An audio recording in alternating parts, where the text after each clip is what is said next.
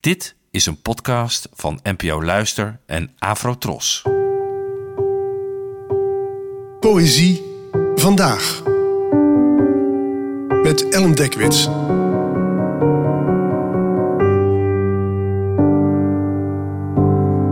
Hallo, fijn dat je luistert. Het gedicht van vandaag heet Genoeg gedicht over de liefde vandaag en werd geschreven door de Nederlandse dichteres Hagar Peters, geboren in 1972. Genoeg gedicht over de liefde vandaag. Genoeg gedicht over de liefde vandaag, want als schrijvend heb ik de liefde niet bedreven. Het leven laat zich maar al te graag liever beschrijven dan beleven. Die jij, van wie ik zo hoog opgeef, die leeft niet behalve zoals ik je opschreef. Je kust en je verlaat, zoals de windhaan draait, mijn plaats steeds overslaat, zoals, zoals men zegt dat in het echte leven gaat. Al die minnaars met hun dichtklappende deuren. Ik zou geen tijd meer hebben de pen eens op te pakken, als ik mezelf steeds in de spiegel moest keuren en met naaldhakken aan mijn nagels moest lakken. Een dichter is nooit te vangen met haar eigen pen. Steeds heeft zij haar antwoord klaar. Want je kwetst haar zoals zij had gepland, al keren haar woorden zich soms tegen haar. Ze zijn minstens zo ontrouw als al haar minnaars.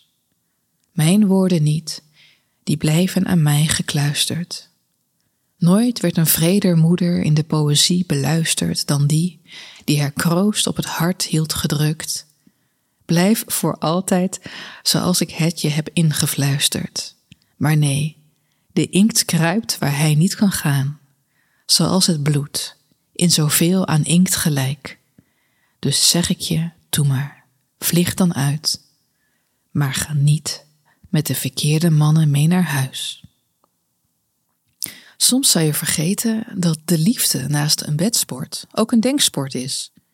Met mooie gedachten, intellectuele prestaties en, jawel, zelfs gedichten hebben velen door de eeuwen heen geprobeerd om indruk te maken op personen van het andere of hetzelfde geslacht.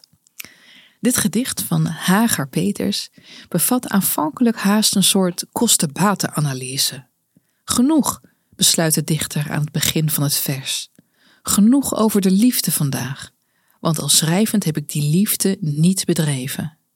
Om daar meteen aan toe te voegen: het leven laat zich maar al te graag liever beschrijven dan beleven.